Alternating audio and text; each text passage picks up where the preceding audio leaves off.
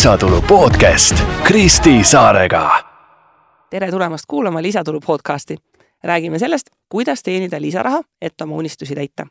meil on täna külas Tiina Kalda ja kohe uurime lähemalt, milline on tema lisatuluallikas. tere, Tiina! tere! no nii, küsime siis kohe alguses, millega sina tegeled, et lisatulu teenida? mina äh, vaatan üle, mida teised psühholoogid teevad äh, kliinilistes ravimiuuringutes mm. -hmm. ehk siis minu, minu töö on äh, vaadata üle, kas äh, need andmed, mida kogutakse selleks, et otsustada, kas, kas ravimid töötavad mm, -hmm. kas need hindamised on läbi viidud nii, nagu nad on ette nähtud, ehk siis, et need andmed oleksid võimalikult kvaliteetsed, ehk siis, et need järeldused, mida nende andmete peal tehta, tehakse, oleksid äh, usaldusväärsed. Mm, okei okay., ehk siis sa ise oled siis oma põhitöölt kes? Äh, mina olen põhitöölt kliiniline psühholoog, kliiniline neuropsühholoog mm. -hmm, olgu. ja kuidas sellest, noh, igapäevaselt äh, sellest tööst sai siis selline ravimiuuringutega kõrvalt tegelemine? Äh, tegelikult see juhtus üsna juhuslikult, ehk siis ma oma, oma igapäevase tööga seoses sattusin äh, olema üks nendest inimestest, kes, kes viib neid hindamisi päriselt läbi mm. -hmm. ja kuivõrd nendel äh, firmadel, kes neid hindamisi korraldavad, on siis vaja ka neid, kes äh, selles äh, kohalikus keeles läbi viidud uuringuid suudaksid siis üle vaadata mm, -hmm. siis seda pakuti mulle ja, ja siis ma seda tegin mõnda aega eesti keeles, siis tuli sinna juurde saksa keel siis sai selle firmaga koostöö läbi, sest eestikeelseid uuringuid enam selliseid ei olnud mm. -hmm. ja siis täiesti juhuslikult äh, ühest rahvusvahelisest listist jäi mulle silma ühe teise sarnase firma pakkumine, et nemad otsivad ka erinevate keelte eksperte mm. -hmm. ja siis ma kandideerisin, mind valiti välja ja siis ma alguses tegelesingi hulk aega jällegi saksa keelega ja, ja nüüd siis viimastel aastatel inglisekeelsete uuringutega mm. no kui väga paljude lisatuluallikatega on see, et noh, lähed kaks kätt taskus ja hakkad tegema, eh, siis sinu puhul sul on, eks ju, suhteliselt kõrge sisenemisbarjäär, et mis teadmised, oskused sul siis kõik peavad olemas olema selleks, et sa üldse kvalifitseeruksid seda eh, ravimiuuringut ülevaatust tegema? Äh, põhimõtteliselt on, on vaja olla kliiniline neuropsühholoog, äh, kasuks ilmselt tuli ka doktorikraad mm, -hmm. sest et paljudes riikides see ongi see, see baastase, alla selle ei, ei tehta neid asju mm. -hmm. ja siis ilmselt võõrkeeleoskus piisavalt mm -hmm. heal tasemel. mulle meeldib, kaks väikest tingimust mm, -hmm. võõrkeeleoskus ja doktorikraad. muuseas, muuseas. aga mulle just väga meeldib see, et hästi tihti selliste akadeemiliste kraadide puhul nähaksegi, et noh, mul ongi see ainult see üks minu oma töö ja ma olengi seal sees ja kuidagi see, et sa vaatad sealt väljapoole, et noh, et see, et ma korjangi kuskilt listist midagi üles, et mida ma võiksin teha, et see sageli inimestele kuidagi ei, ei tundu, et need asjad niimoodi käivad. Äh, just, ja see oli ka üks mu mõte, miks, miks tulla sellest rääkima, et teistel inimestel ka, kellel on võib-olla väga spetsiifilised Äh, teadmised ja oskused, tekiks see mõte, et aga, aga tegelikult ma saan neid kasutada veel teistes kohtades ka. Mm.. et, et see ei ole nii, nii piiratud selle minu, minu spetsiifilise tööga. Mm.. kes siis on sinu kliendid? Mm,? minu kliendid on ravimi uuringute kognitsiooni hindamist korraldavad firmad. Mm.. ehk siis need on nagu mingid vahe nagu, nagu mingid nõustamisfirmad, ei ole nagu otse nagu ravimifirma sinu klient, vaid seal on nagu keegi seal protsessis vahepeal? Äh, just, ravimifirma äh, tellib uuringuid mm -hmm. siis nendelt firmadelt, kes neid siis korraldavad ja kes mm -hmm. otsivad ka erinevate keelte eksperte, kes, kes siis äh, aitaksid need läbi viia mm. -hmm. kuidas selles valdkonnas konkurentsiga on? ilmselt Äh, osade keelte puhul on, mina mm -hmm. pigem näen seda, et üsna spetsiifiliste keelte puhul pidevalt otsitakse inimesi mm -hmm. juurde mm. -hmm ja see spetsiifiline oleks siis äh, saksa keele? Äh, no hetkel näiteks. Saksamaa on ikka suur riik ja võiks ju inimesi olla, kellel on doktorikraad ja saksa keele oskus. jaa, aga inimesed on sageli oma tööga väga hõivatud mm -hmm. ja siis ei jää aegagi mõelda, et aga võiks midagi veel teha mm. -hmm. ja, ja siis tegelikult see, see leidmine sageli käib ka tutvuste kaudu üsna no meil see tavaküsimus on see, et kuida-, kuidas sa turundad kuidas ennast turundada sellise ülispetsiifilise niši asjaga tegelemisel?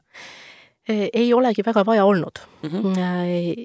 mõned pakkumised, mis vahepeal on tulnud, on tulnud LinkedIni kaudu mm, -hmm. et ma ise ei ole tegelikult reklaaminud, et, et aga see LinkedIn on sul olemas? on. ja, ja põhjalikult täidetud? Ma arvan, et mõõdukalt. Mm. -hmm okei okay,, ehk siis tuleb noh, ütleme, et kuna ta on akadeemiline maailm, siis noh, ongi, kui on kirjas, et sul juba PhD milleski olemas, et siis sa juba LinkedIni filtrites jooksed no, kuskil ilusasti välja, eks ju. Mm -hmm okei okay,, aga selle, see koha pealt, et noh, kui need pakkumised nagu tulevad, et aga mille järgi sa valid, et kes need koostööpartnerid on, et lihtsalt vaatad, et kas mul on aega, energiat, tahtmist, mis sind huvitab, kelle järgi sa valid, kellega, millega sa koostööd teed? Pigem võib-olla jah, see, et kas see konkreetne uuring äh, mind huvitab mm, -hmm. et kas see, kas see valdkond äh, on, on minu jaoks see, milles ma tunnen, et ma olen pädev mm. -hmm. et, et vahel, vahel tuleb ka selliseid Äh, selliseid pakkumisi, millest noh, mulle tundub, et, et see on küll väga huvitav, aga ma ei tea sellest midagi. noh, näiteks mingisugused väga spetsiifilised geneetilised lastel avalduvad häired mm, -hmm. mis, mis noh, võiks olla põnev uurida, aga kindlasti on keegi, kes, kes juba teab sellest väga palju mm. -hmm okei okay. ähm,, aga sellise asjaga tegelemiseks, noh, sinu jaoks, eks ju, noh, peale selle väikese investeeringu, et doktorikraad on tehtud äh,, et muidu ta on siis puhas ajaressurss või kuidas seda tööd nagu mõõdetakse, et sulle antakse mingi projekt kätte, kas sul on kohe ette teada, et olgu, et see on umbes nii mitu töötundi või antakse projekt kätte, öeldakse, et see on see, mis peab olema tulemus ja siis sul enda asi, kui mitu töötundi sinna läheb? praegu on niimoodi, et, et see arvestus käib tunni kaupa, aga jupid on, on siis justkui noh, määratletud, et see jupp võiks võtta umbes tund mm. -hmm. ehk siis, et ma saan, saan kätte mingid jupid, see mm -hmm. kaua ma neid teen, on minu asi mm. -hmm. et kauem võib oma lõbuks alati teha? absoluutselt. kuidas sa tunned, et on nagu see aja äh,, ajakulu adekvaatselt hinnatud nendel pakkumistel? üldiselt küll. läks meelde, et seal on päris palju kogemust, ega neid uuringuid ju tehakse ikkagi noh, sadades, tuhandetes, et, äh, et ei tule, et noh, surprise, et oli kirjas, et võtab tund ja tegelikult võtab kümme Äh, noh, eks seal on ka natuke selline tasakaalustus, et, et kui, kui üks hindamine näiteks, mis, mis on kirjas, et ta võiks võtta tund, noh, see konkreetne läheb tund kakskümmend mm, -hmm. siis on see teine seal kõrval, mis võtab tunni asemel nelikümmend ja, ja see lõpuks jookseb mm, -hmm. jookseb välja, just mm. -hmm. Aga selliste lisaotsade puhul, mis on just nagu palgatöö kõrvalt, et noh, ega sinu igapäevatöö on ju ka tegelikult väga vaimselt intensiivne noh, et ei ole niimoodi, et noh, lihtsalt lähen kontorisse ja elu on lill, ikkagi sellise suhteliselt nagu tõsise fookuse ja, ja süvenemisnõudega, et kas ja kui palju sealt kõrvalt üldse jaksab midagi teha või kui suures mahus sa neid projekte endale võtad või vahepeal lihtsalt vaatadki, et on energiat, ei ole energiat? See maht on üsna vahelduv mhm. mm -hmm. ja, ja selles mõttes on see töö ikkagi üsna erinev, et, et kui ma neid asju kontrollin, siis ma loen punkte ja vaatan äh, Äh, ja kuulan, kas, kas asjad äh, on, on õigesti noh, ka välja öeldud, kas mm -hmm. instruktsioone antakse korrektselt mm, -hmm. et see töö spetsiifika on natuke teine. ja noh, muidugi on, on vaja olla keskendunud, aga, aga see jah, nõuab natuke teistsugust ressurssi mm. -hmm. Mis on muidugi keeruline, on see, et, et nende projektide puhul tavaliselt, äh, kui see töö tuleb, siis see on vaja kahe päeva jooksul ära teha ja seda, millal ta tuleb, on, on, väga keeruline ennustada mm. -hmm. et Mhm. noh, mõnikord tõesti on ette teada ja siis ma korraldan need muud, muud asjad niimoodi ära, et, et mul tekib see ajaressurss, aga, aga on ka, on ka hetki, kus, kus tõesti kõik asjad tulevad korraga, nagu nad tavaliselt teevad. aga miks seal on nii kiire selle asjaga, et miks see tööstruktuur selline on? sest et kui äh, tekib mingisugune viga mm, -hmm siis on vaja see avastada enne, kui järgmised hindamised toimuvad mm. -hmm. ehk siis, et, et see inimene, kes hindab, saab selle tagasiside kätte ja ta saab teha need muudatused, et see järgmine hindamine oleks siis parema kvaliteediga. Mm, okei ehk siis see, see sinu töö tulemust kasutatakse kohe protsessi timmimiseks? just. päris vastutusrikas tegelikult ju. on. kas esimest korda, kui võtsid mõne sellise projekti vastu, siis oli, oli stressi ka? Eks ta ikka oli jah, sest et et noh, need reeglid on küll ees, aga, aga alati on ka mingisugust sellist mänguruumi, et, et sellist viga ei ole keegi veel varem teinud, mis mm ma nüüd siis sellega peale hakkan? Mm.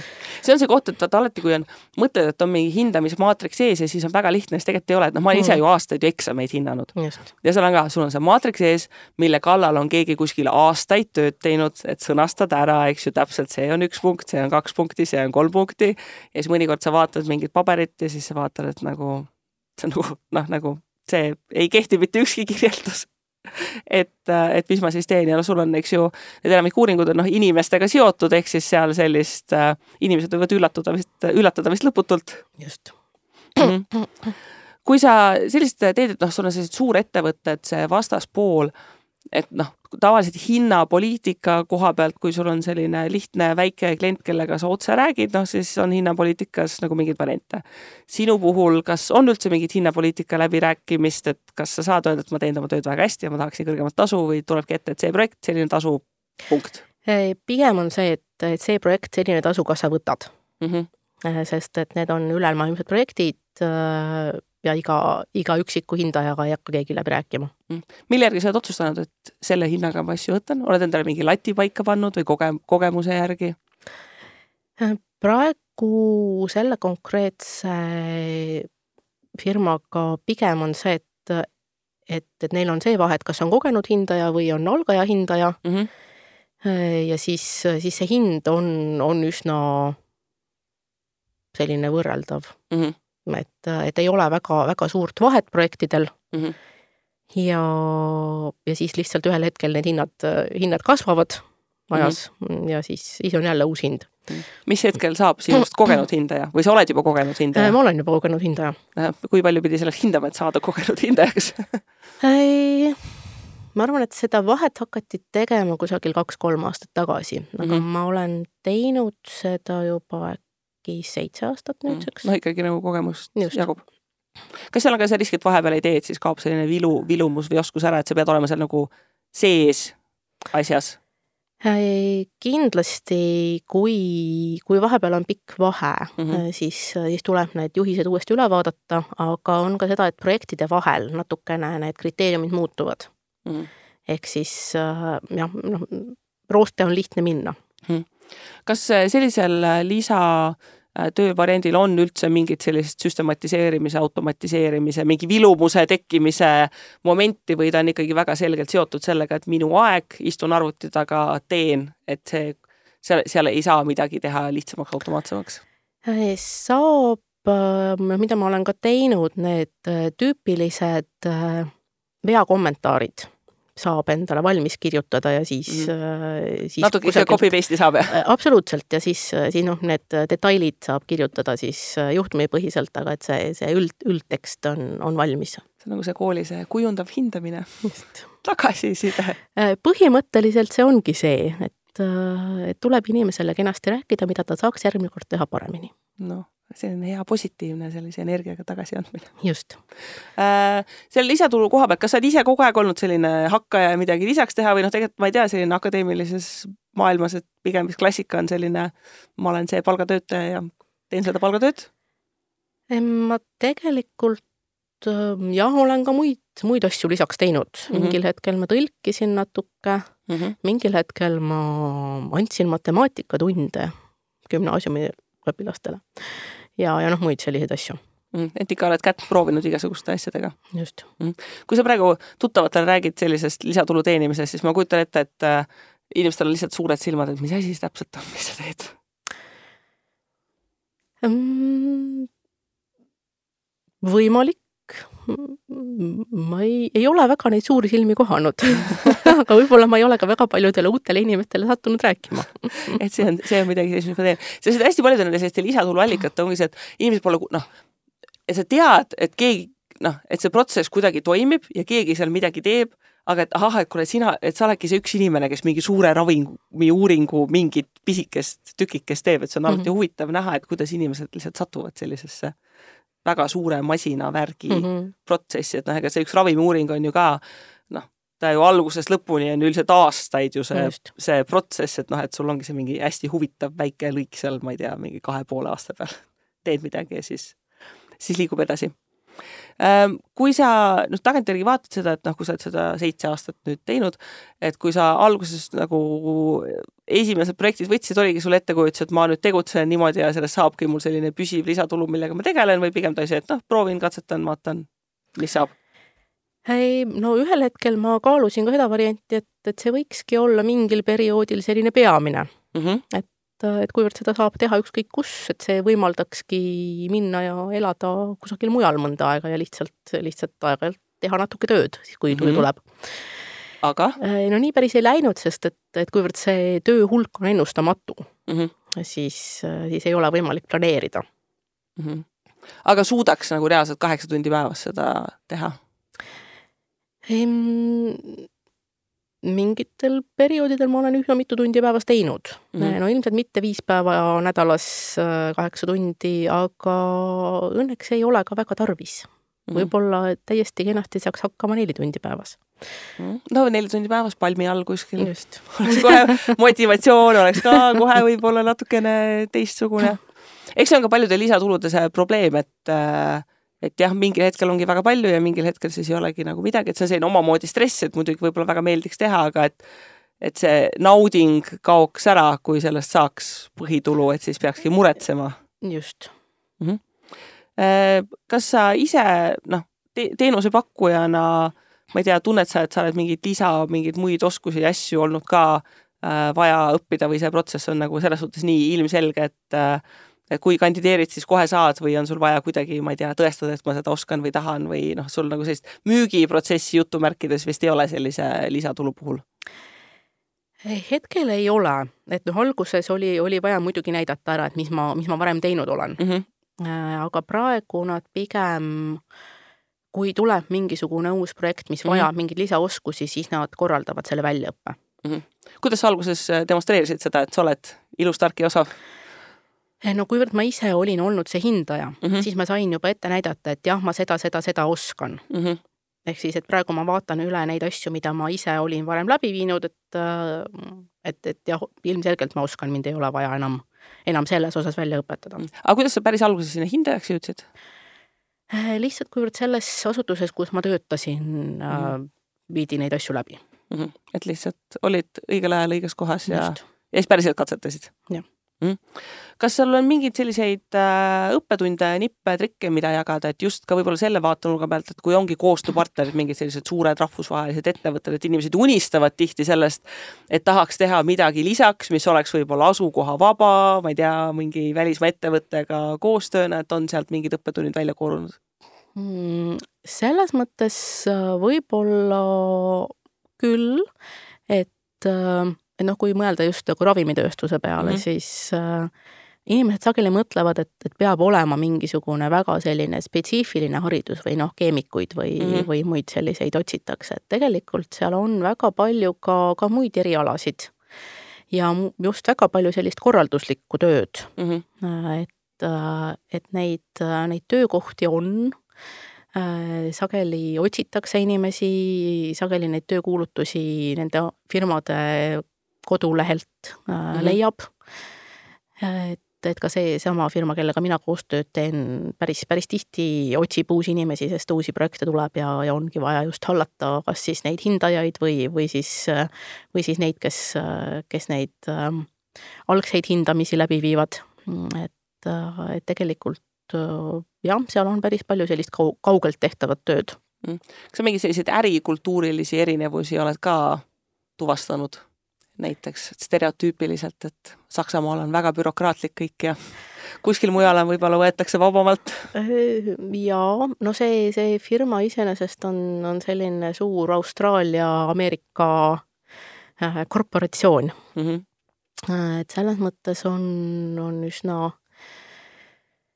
äh, jah, et rattad jahvatavad aeglaselt ja ja kõik asjad ähm, jah, võtavad aega, enne kui saavad kooskõlastatud ja, ja kõike, kõike infot on kogu aeg väga palju, nii et äh, et jah, sellega tuleb arvestada, et, et meilile ei saa homme vastust mm -hmm. ega võib-olla ka ülehomme. minu meelest selliste rahvusvaheliste koostööprojektidega kipubki olema see, et me oleme Eestis harjunud, et kõik toimub väga ruttu.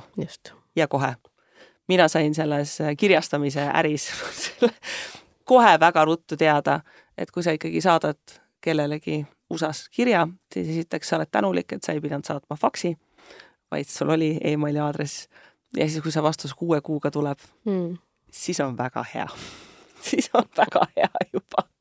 et oleks võinud olla ka oluliselt hullem põhimõtteliselt okei okay., ehk siis äh, see, see võib-olla take away või see mõttekoht ongi see, et, äh, et tegelikult leidub ka mingeid väga selliseid huvitavaid kohti, kus tõesti võib-olla mingeid väga selliseid erialaspetsiifilisi kohti rakendada, mille peale ise nagu võib-olla ei, ei tulekski. et ma ei tea, kas sulle ülikooli õpingute ajal või kuskil tutvustati selliseid võimalusi, et kuule, et näed, et tegelikult sa oled sellise haridusega, võiksid siin teha kuskil rahvusvahelistele ettevõtetele seda, teist ja kolmandat? absoluutselt mitte tuli ise otsida. jah mm. ehk siis see, see on ka alati hea koht, et tudengitele seda head nõu, et kuule, et tegelikult ongi igasuguseid muid asju üleliia maailma. ja ehk siis see keeleoskus ka, ma lihtsalt selle küsimuse küsin eraldi, et noh, me räägime ikkagi tehnilisest keeleoskusest, et äh, iga noh, suhtluskeelega ravimiuuringuid siiski üle ei, ei vaata, et see Just. ikkagi eeldab päris sellist äh, soravat, et see ei ole ikkagi B2 keeletaset, me räägime ikkagi C1-st. Äh, no me räägime ikkagi jah, sellisest äh, no mitte päris, äh, päris sündinud rääkijast, aga mm, -hmm. aga vabast keeleoskusest, jah. Jah, et kellel see soov on, et siis peab seda ka arvestama, et eriala sõnavara just peab ka mitmes, mitmes keeles ära tulema. Mhm. Okei okay,, väga hea, et mulle meeldib ka see, et see lisatulu valla, valdkonnas need näited, et noh, sa võidki alustada mingi väga lihtsast asjast ja noh, ma arvan, et sinu näide ongi võib-olla tõesti nagu kõige keerukam, et noh, algnõue on see, et on olemas doktorikraad, aga ongi ka täpselt nagu selles valdkonnas midagi, mida sa leiad ja, ja saab kokku kombineerida, et selle koha pealt väga-väga äh, huvitav, mis sest, et nagu piisavalt keerukas, aga väga-väga huvitav. nii, aga aitäh sulle, Tiina et sa tulid ja jagasid oma kogemusi, kuidas tõesti midagi hoopis teistsugust, mille peale ise ei, ei tulekski ette võtta. ja teiega, kuulajad, äh, kohtume siis juba järgmisel korral järgmise põneva külalisega, kes jagab oma lisatuluallikat. kohtumiseni